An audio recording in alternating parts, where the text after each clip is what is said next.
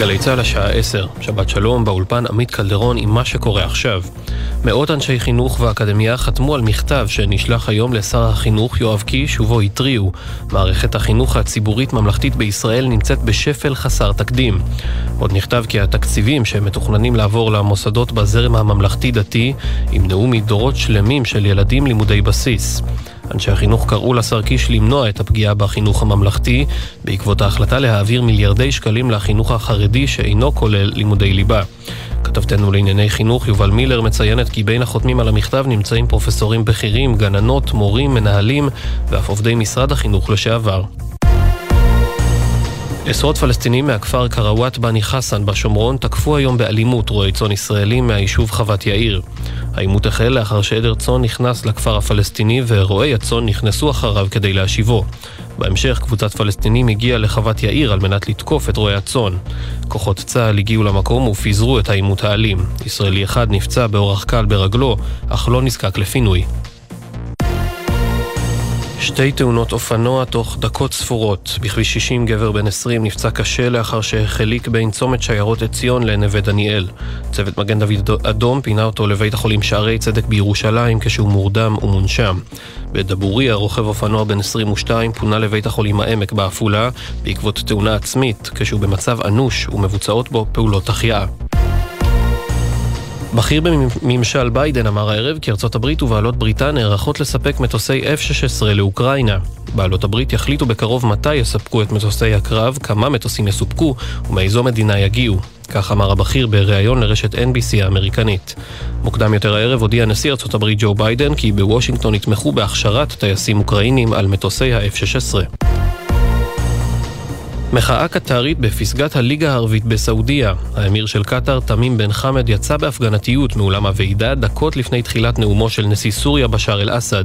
האמיר סירב לקיים פגישות במהלך הוועידה ולא נשא נאום. כתבנו לענייני ערבים ג'קי חוגי מזכיר כי קטאר התנגדה להחזרת אסד לליגה הערבית לאחר שהושעה ממנה ב-12 השנים האחרונות. לטענת קטאר, אסד הוא פושע מלחמה והיא אף תמכה בעבר בפלגים המורדים בסוריה. רשת בי של שופרסל הסירה את כל המוצרים שעליהם תמונות נשים בסניף בבני ברק. זאת בעקבות הסערה שעוררה והביקורת שספגה לאחר שמדבקות סגולות הודבקו על תמונות הנשים במוצרים השונים. מרשת בי נמסרה, נמסר בתגובה הדרת נשים מנוגדת לערכי החברה, בהמשך לשיח שניהלו בימים האחרונים מנכ"לית הרשת וגורמים מטעמה עם רב העיר בני ברק, בוצעו התאמות ורענון של מגוון מוצרי הסניף. ידיעה שהעבירה כתבתנו עינב קרנר. כדורסל מהיורוליג, ברצלונה פוגשת בשעה זו את ריאל מדריד במסגרת משחק חצי הגמר שנערך בליטא. המנצחת מבין השתיים תעפיל לגמר היורוליג בו תפגוש את אולימפיאקוס, שגברה מוקדם יותר הערב 76-62 על מונקו. ידיעה שמסר כתבנו בר פלג. מזג האוויר, הערב והלילה מעונן חלקית, מחר הטמפרטורות תהיינה נמוכות מהרגיל לעונה. לכל מאזינינו שבת שלום, אלה החדשות, שעורכת עומר לפיד.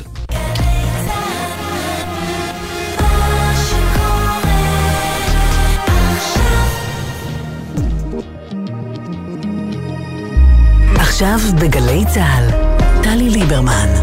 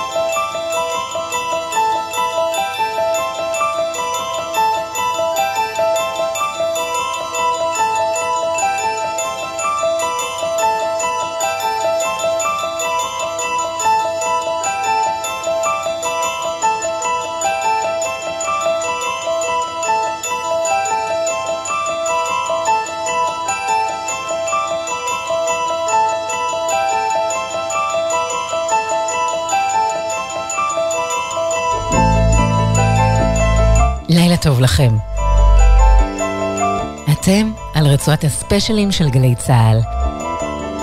והפעם יש לנו משהו קצת שונה. ספיישל לציון 50 שנה לאחד האלבומים הנמכרים בעולם, וזאת כנגד כל הסיכויים, אלבום שיש בו רצועה אחת אינסטרומנטלית, כמעט בלי מילים. בשעה הקרובה נציין יובל לאלבום Tubular Bells של מייק אולדפילד. אלבום הבכורה שלו, אותו הוא הקליט כשהיה רק בן 19.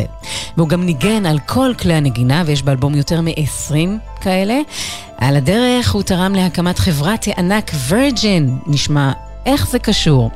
מייק אולדפילד, מוזיקאי בריטי, גאון, יוצר, מלחין, נולד השבוע לפני 70 שנה. אז יש לנו עוד סיבה לחגוג לו ואיתו ועם המוזיקה שהביא לעולם, כולל את ז'אנר ה-New Age ואת שיר הפופ הטוב ביותר ב-80's. אז שתי ציפורים בספיישל אחד, 50 שנה ל-Tubular Bells ו-70 שנות מייק אולדפילד. אני טלי ליברמן, ואלה הפעמונים.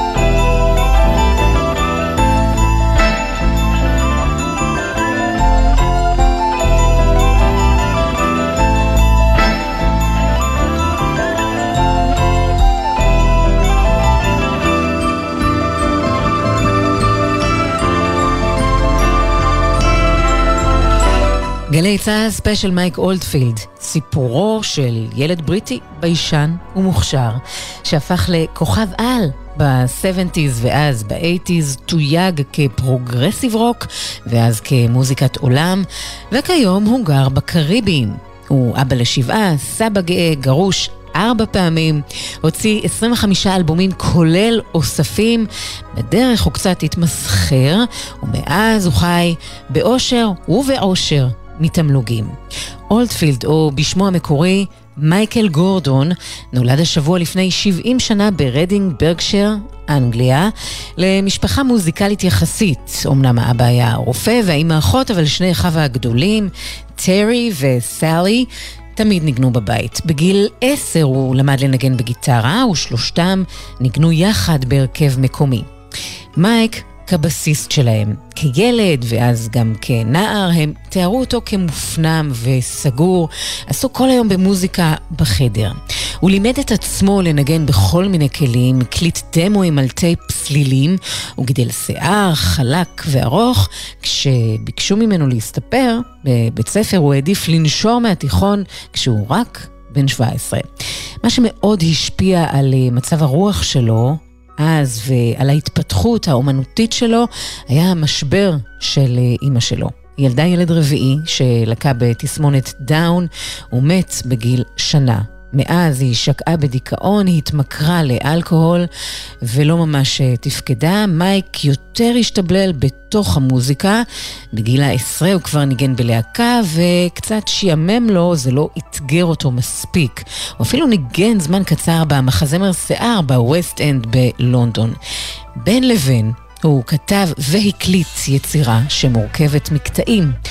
עולם שלם של צלילים, הרמוניות, צליל חשמלי מיוחד, מה שיהפוך לימים לאחד האלבומים הנמכרים בעולם. It's like yesterday. It doesn't feel a long time ago at all. Um, it was such a special time in my life. Uh, it was it was strange. Right after I'd, I'd finished it, I didn't want to know about it because it was such a big thing. And I'd kind of got it out of my system. And for about, well, five, even ten years, I just, I didn't want to know about it. And I find it astonishing that it's, it's lasted this long and that I'm here talking to you 40 years later all about it. And, uh, it's very close and dear to my heart. I, I, put on the old tapes and it's like I'm instantly transformed back to 1972, November 1972, which is when I started working on it. זה אלבום שמאוד קרוב לליבי, סיפר אולדפילד במסגרת ראיון ל-BBC לציון 40 שנה לצאת האלבום, זאת אומרת לפני עשר שנים. זה מרגיש לי כאילו זה היה אתמול, כל סיפור הכתיבה וההקלטה. בנובמבר 72 התחלתי לעבוד באולפן, וכעבור שנה פלוס מינוס, לכל אחד כבר היה עותק באוסף הביתי. אחרי שהאלבום יצא, לא רציתי לשמוע על זה. כאילו, הוצאתי את זה מהמערכת, וזה היה משהו שהייתי אובססיבי לגביו. זה נגמר מבחינתי ברגע שזה יצא. הוא הוסיף באותו ריאיון ל-BBC. נחזור אחורה להתחלה. I just played it straight away, like this.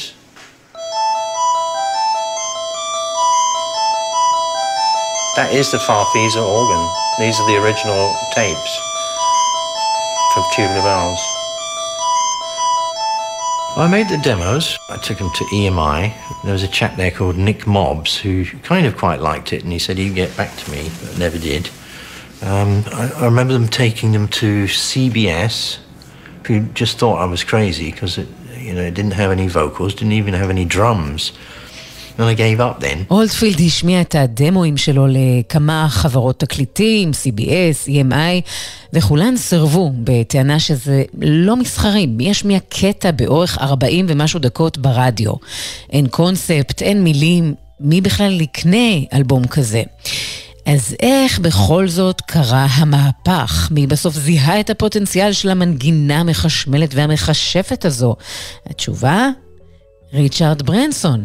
המיליארדר, היזם האגדי שהקים את קבוצת ורג'ין, חברת התקליטים, ואז אה, חברת תעופה ומובייל, ואפילו טס לחלל לא מזמן. בזמנו, בדיוק בזמן שאולדפילד חיפש ספונסר וברנסון חיפש לעשות כסף, שידחו ביניהם. לברנסון הייתה חנות תקליטים קטנה, הוא ערך מגזין סטודנטים, לא ממש הבין במוזיקה, אבל היה לו חוש, חוש לזהות פוטנציאל מסחרי. I got a call from Simon Draper. who had heard the demo tape of Tubular Bells, and he was excited uh, by this tape and wanted to come over to the houseboat to play it to me. I picked up the phone and it was Simon Draper. He said, We've been listening to your demos. I said, Yeah. and he said, I'd like you to come over to Richard's boat um, to have dinner. I said, All right then. We said we loved it. We didn't really have any spare money to record his album, but we told him just to go and li- live at the manor. And in between recording sessions, you know, he could record his album. I said, well, uh, I'm going to need some instruments, you know. And he said, just write down what you need and we'll, we'll get it for you. אז שמענו עכשיו את שני החבר'ה מספרים על המפגש ביניהם. ריצ'רד ברנסון קיבל טלפון מסיימון דרייפר, השותף שלו בחנות התקליטים, שאמר לו, אתה חייב לשמוע משהו. הוא גילה עניין והזמין את מייק אולדפילד אליו לספינה שעגנה בנהר התמזה. הייתה כימיה ברנסון התלהב והציע לאולדפילד להשתמש באולפן ההקלטות שלו, מין טירה משופצת שהוא קנה, והוא אמר לו, בוא, תשלח רשימת כלי נגינה שאתה צריך. הוא לא דמיין את אורך הרשימה, הופיעו בה כלי נגינה שהוא אפילו לא מכיר, כמו למשל גלוקנספיל ו-Tubular Bells. There was a truck which was um, delivering my stuff and taking out some stuff of the previous musician who was John Cale. As they were taking his stuff out, I just watched this set of tubular bells going past, and and, um, and, and, I, and I just said to the chap, uh, "Can you leave those?" never thought that the word tubular bells was going to play such an important part in our lives. And even for the fact that I suppose that, you know, like Virgin going into space most likely wouldn't have existed if we hadn't had that particular, that particular instrument. ראיתי בדיוק את המוזיקאי שסיים לעבוד באולפן, ג'ון קייל, אולי אתם מכירים, מתקפל עם הציוד, סיפר אולדפילד, ואמרתי, אוקיי, שישאירו לי את כלי הנגינה בהם הוא ישתמש ונזרום עם זה. אז מה ברשימה? גיטרה אקוסטית, מנדולינה, פסנתר, בס, כינור, ואז ראיתי שמעמיסים על המשאית כלי לא שגרתי שמאוד בלט, פעמונים צינוריים, tubular bells. אז מה זה בעצם? מדובר בכלי ממשפחת כלי ההקשה שבנוי מצינורות מתכת חלולים באורחים שונים. לימים זה השם שנבחר ליצירה שלשמה התכנסנו כאן באולפן. ואנחנו חוגגים לה 50 שנים לאלבום המופלא הזה. יצירה שאם עוצמים עיניים אפשר לדמיין קצב לב, דופק אנושי, הרפטטיביות מהפנטת. וזה היה החוזה, חוזה ההקלטות הראשון של הלייבל וירג'ין רקורדס, הימור של ריצ'רד ברנסון שהצליח בענק.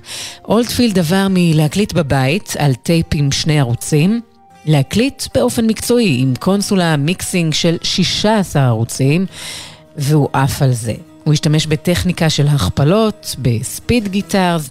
כעבור שמונה חודשים, האלבום יצא. החלק הראשון הוקלט בשבוע, והחלק השני בכמה חודשים טובים, בהם אולדפילד חווה מצבי רוח משתנים, נקרא לזה. כנגד כל הסיכויים, האלבום הפך לאחד הנמכרים בהיסטוריה. מכבשה השחורה הוא הפך לשובר קופות. אולדפילד הפך לכוכב, והמפיץ, ברנסון, לטייקון.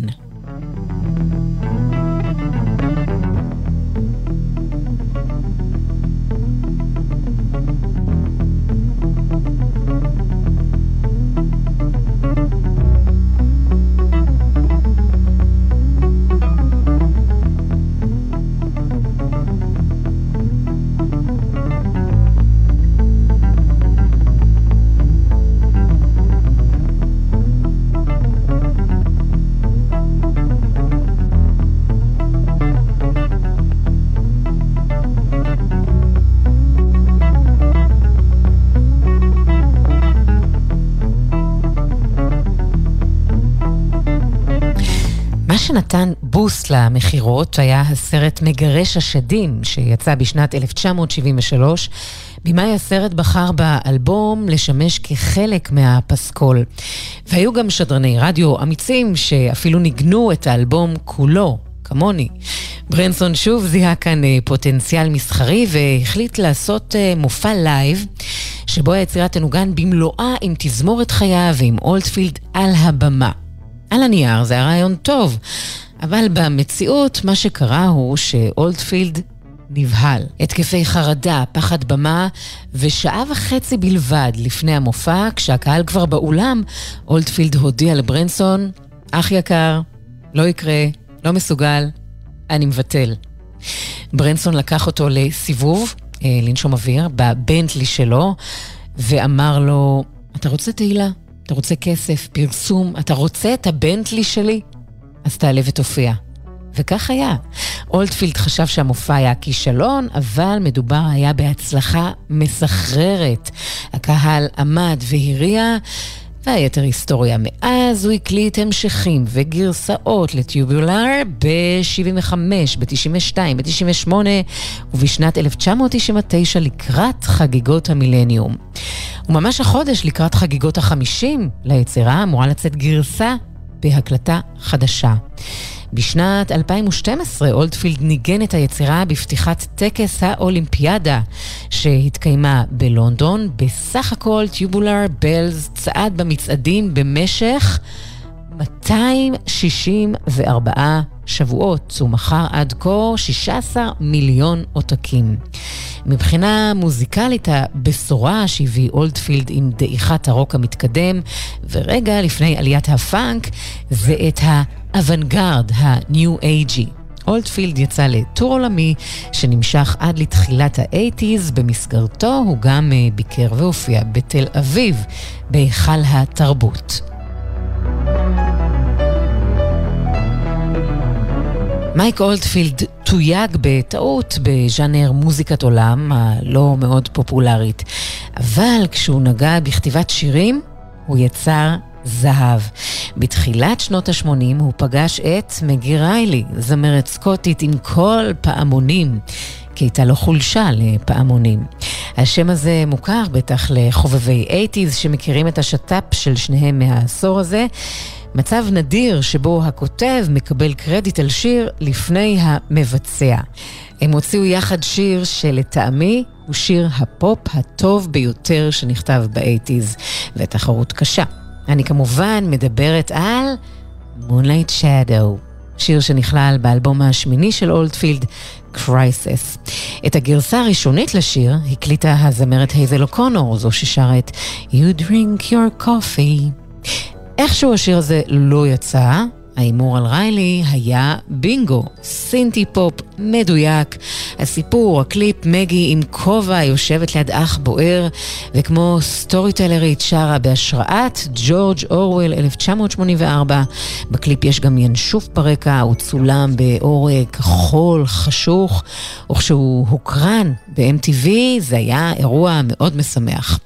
ההצלחה של השיר חשפה את אולדפילד לקהל צעיר יותר, וגילתה את מגי ריילי לעולם.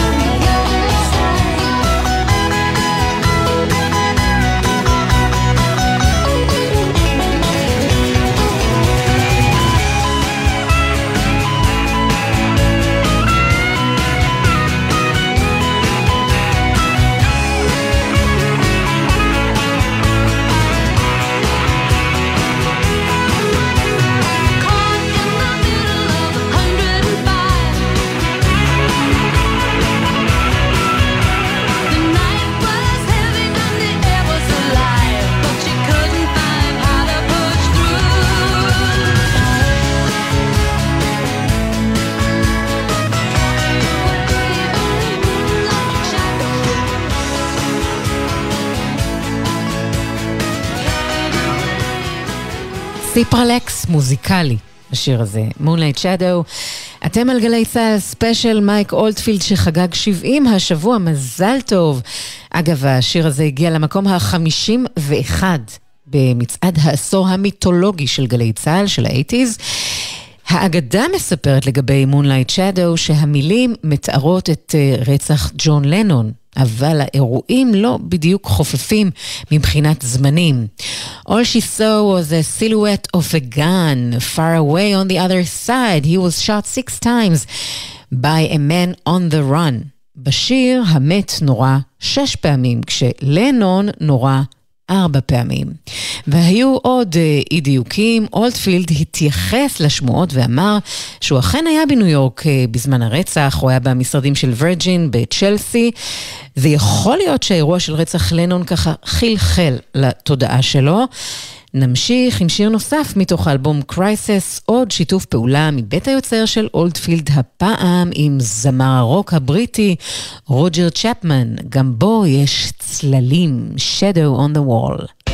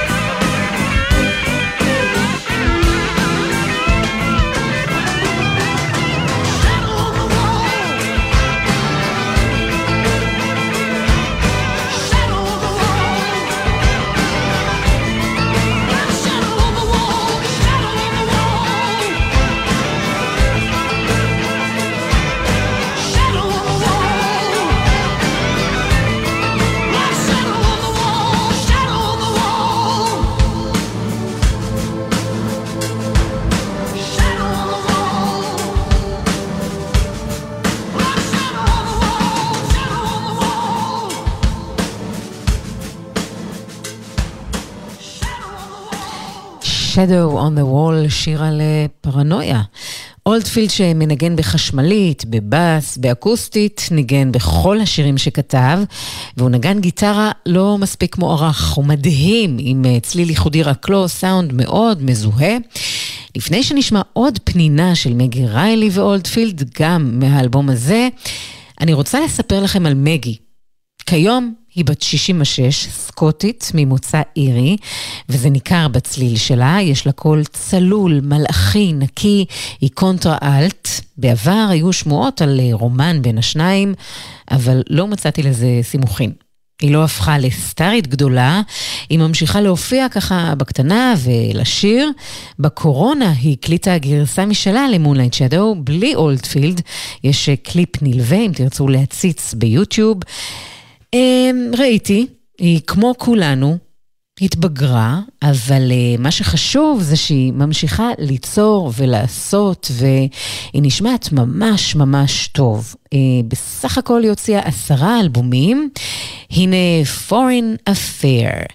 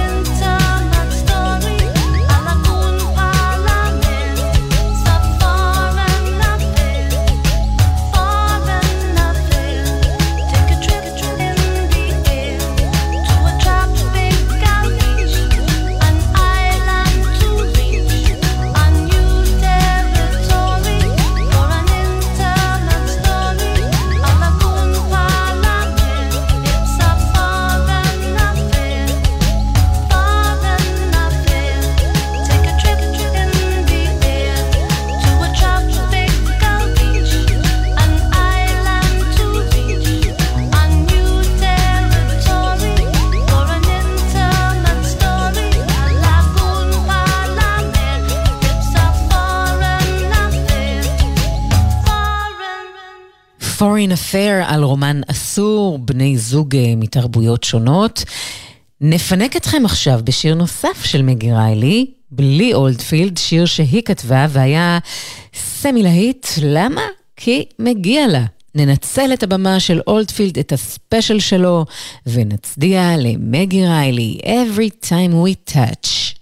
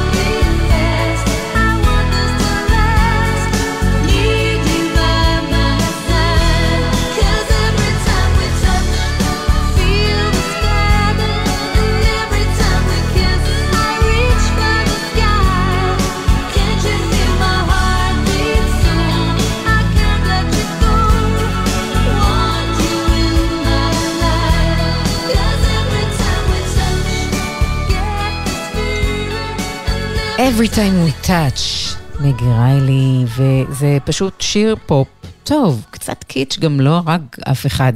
והקול שלה פשוט אה, מלטף ונעים תמיד. גלי צה"ל, ספיישל מייק אולדפילד, שמציין בימים אלה 50 שנה לאלבום הבכורה שלו, Tubular Bells, ו-70 שנים להולדתו.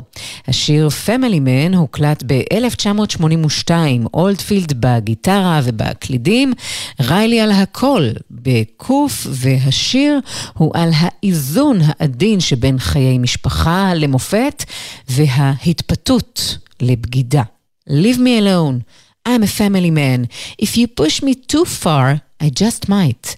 שנה אחרי שהשיר הזה יצא במסגרת אה, האלבום Five Miles Out, ב-1983 הולנד אוטס עשו לזה קאבר מצליח, אז uh, לשיפוטכם, מה יותר טוב? אני מגי כמובן, Family Man. She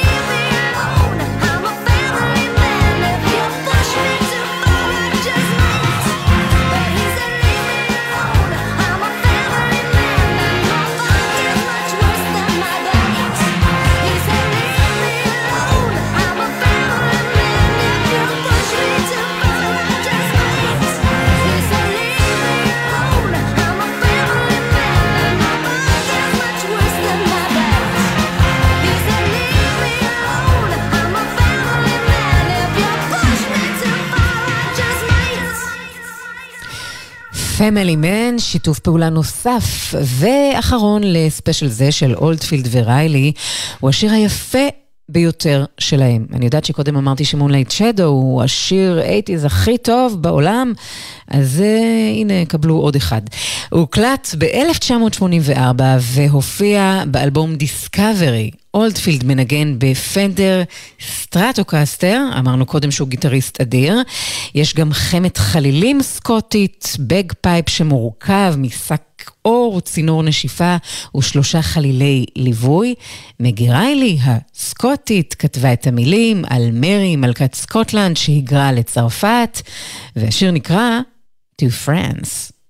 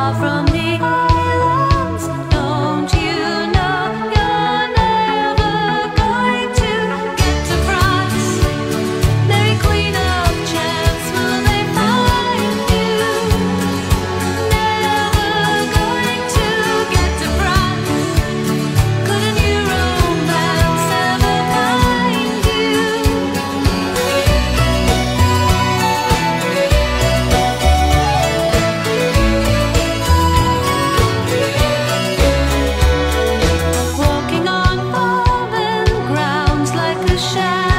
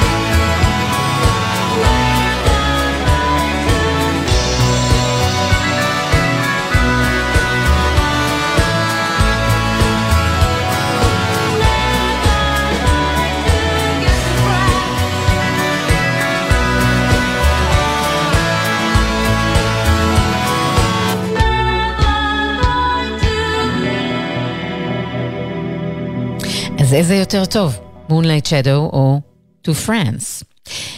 באייטיז, ככה, לקראת סוף העשור, מייק אולדפילד הוא אדם שונה ממה שהכרנו בהתחלה. אחרי שאמרו עליו תימהוני, מתבודד, דיכאוני, ביישן, הוא הפך למוזיקאי מצליח ומוערך. הוא אמנם התמסחר וטיפה אולי איבד את המומנטום של אה, ילד פלא, אבל הוא עבר תהליך אישי עם עצמו, סדנאות ומודעות, הוא כבר לא חשש מראיונות והופעות, הוא התחתן והתגרש, והתחתן והתגרש. ארבע פעמים. הוא התחיל לאסוף אה, אופנועים ולהשקיע בתחביב הזה וגם בילדים. שבעה במספר. נולדו לו. הוא עזב את בריטניה בשנת 2007, הוא עבר לספרד ואז למונקו, ומשם פרש לבהאמאז. יש שאמרו שמאז שהוא פחות כאוב, המוזיקה פחות מעניינת, ואולי יש בזה משהו, כי אנחנו אוהבים את האומנים שלנו מיוסרים וסובלים, כי זה מוציא מהם את היצירות הכי מרגשות. נחזור ליצירה איתה פתחנו. מי שזוכר, בראשית שידורי הטלוויזיה לילדים, מין שידורי רצף בשם טלטקסט, בהגשת רותם אבואב, המוזיקה שליוותה הייתה Tubular Bells. וקטע שיא בחלק הראשון, מתוך שניים, הוא הכרזת הכלים. בגרסה המקורית עשה את זה ויויאן סטנשל, מוזיקאי שהקליט באותם אולפנים של מייק אולטפילד, והם נפגשו ככה במסדרון, והוא אמר לו, בוא, תעשה טובה. הוא היה ה-MC, וככה זה נשמע. מנדולין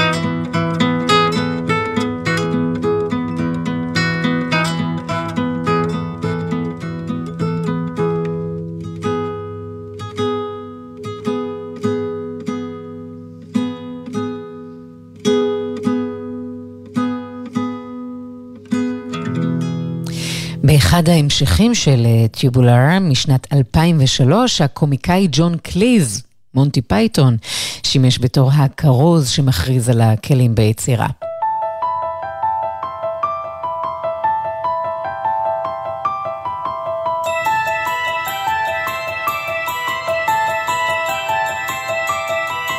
ועד כאן ספיישל, מייק אולדפילד שחגג השבוע 70 וגם לציון 50 שנה לצאת האלבום Tubular Bells, אלבום פורץ דרך בהחלט. שעל העטיפה שלו יש ציור של כלי מתכת מכופף למשולש, על רקע ים וגלים, מה שהפך לסדרה של בולים בממלכה הבריטית. זו יצירה בסגנון מוזיקה קלאסית שהיא בכלל מוגדרת רוק, אין בה מילים, בקושי יש תופים, אין סיפור, ובכל זאת היא הפכה לקלאסיקה על-זמנית.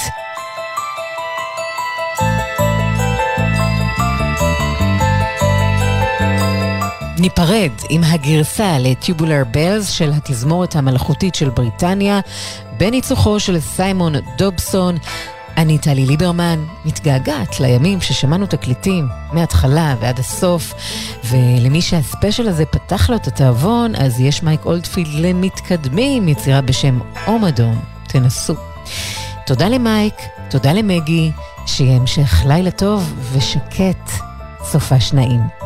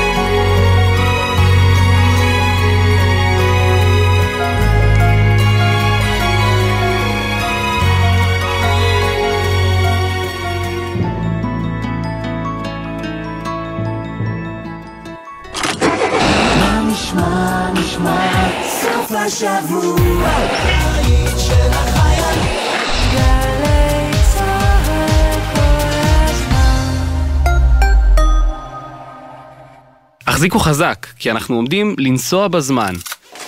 אחים שרפות. לפני! במהלך, ו... אחרי?